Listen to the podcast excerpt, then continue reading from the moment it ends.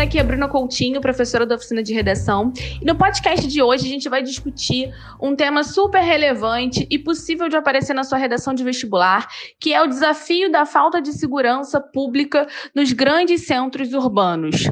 Bom, para começo de conversa, a gente precisa perceber a especificação que existe nesse tema. Aí, fala sobre a falta de segurança especificamente nos centros urbanos. Então, vocês não podem pensar nesse caso, nos casos de violência que acontecem, por exemplo, nas zonas rurais, nos campos, né? Porque, embora eles sejam uma realidade, nesse tema não são coerentes, não fazem sentido. Não é isso que a banca esperaria de vocês enquanto candidatos e candidatas.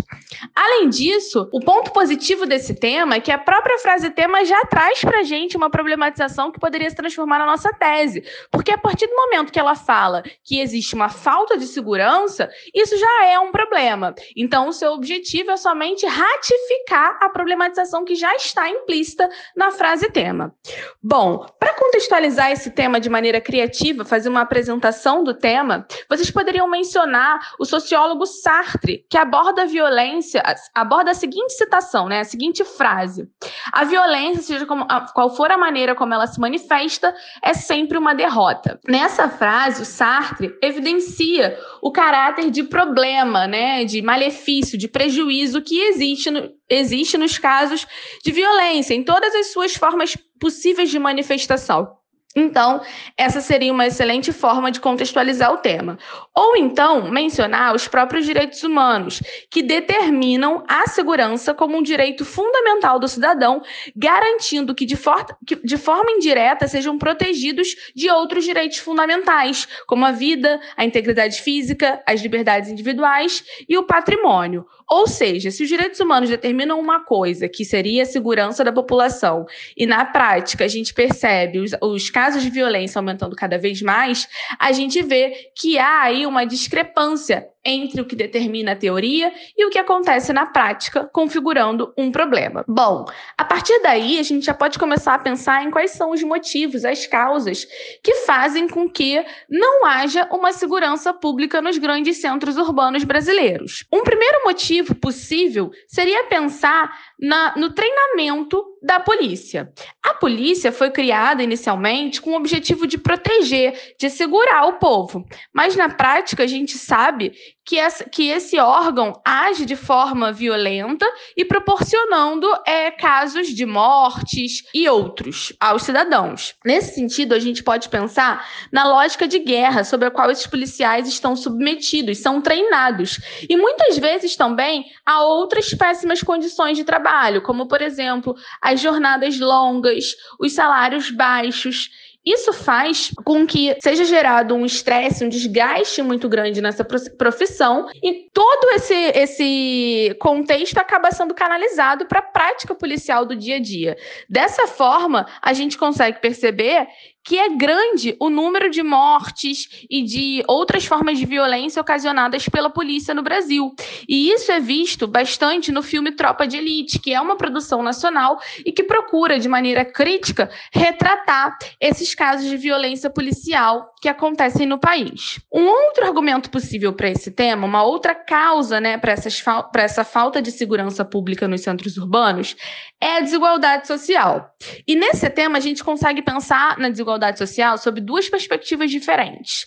Ela é motivadora da falta de segurança pública à medida que, quando há desigualdade social, quando há pessoas que ocupam camadas muito pobres e que a elas são negados direitos básicos como alimentação, moradia, essas pessoas muitas vezes se veem sem saída e sentem a necessidade de recorrer à violência, aos roubos, aos furtos e, as outras, e a outras formas de crime para melhorar de vida, para ter uma ascensão social, ou até mesmo para conseguir esses elementos que são básicos à sua vida, né? à sua sobrevivência, na verdade. Então, isso faz com que aumentem os casos de violência. Outra questão que poderia estar associada à desigualdade social, e seria um outro caminho para falar desse argumento, é pensar em como que a população pobre, e sobretudo a população negra, é o maior alvo né, desses casos de violência que acontecem no Brasil. E isso está muito associado ao conceito, o qual o Silvio de Almeida, que é um filósofo, professor e advogado brasileiro, trata no seu livro, racismo estrutural. Esse é o nome do livro. Nesse livro, ele aborda diferentes concepções do racismo, e uma delas é a do racismo estrutural, que explica como o racismo age no país, né, né, no, na sociedade, de forma a colocar a população negra numa situação naturalizada de inferioridade, banalizada. Isso se comprova por dados divulgados pelo Fórum Brasileiro de Segurança Pública de que negros são oito a cada dez mortos pela polícia no Brasil. E além dessa, desse dado né, estatístico, a gente tem diversos outros casos que acontecem e são noticiados na televisão que comprovam isso. Como, por exemplo, um carro de uma família negra que foi bombardeado com 80 tiros na zona oeste do Rio de Janeiro recentemente. Então, tudo isso mostra que a desigualdade social faz com que o alvo da violência no Brasil muitas vezes seja de uma classe específica, de uma raça específica. Um terceiro possível argumento para esse tema é a própria negligência governamental, porque o governo muitas vezes é se abstém ao não proporcionar condições de segurança à população.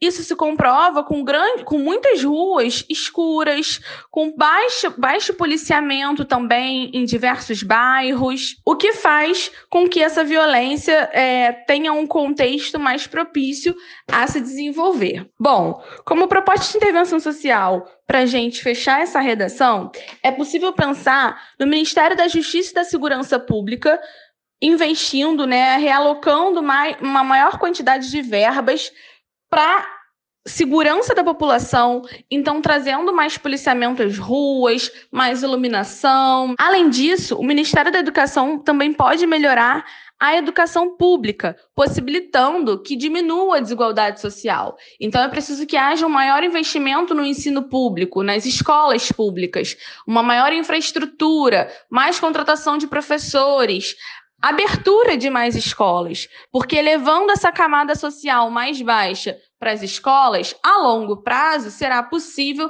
que essas pessoas tenham mais instrução e tenham acesso a um mercado de trabalho, a uma sanção social e não precise recorrer à violência como uma forma de sobrevivência.